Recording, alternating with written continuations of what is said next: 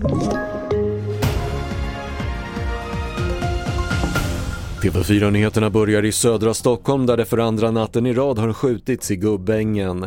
Två personer greps i närheten och ett skjutvapen hittades efter skottlossning mot en lägenhetsdörr men ingen person ska ha skadats.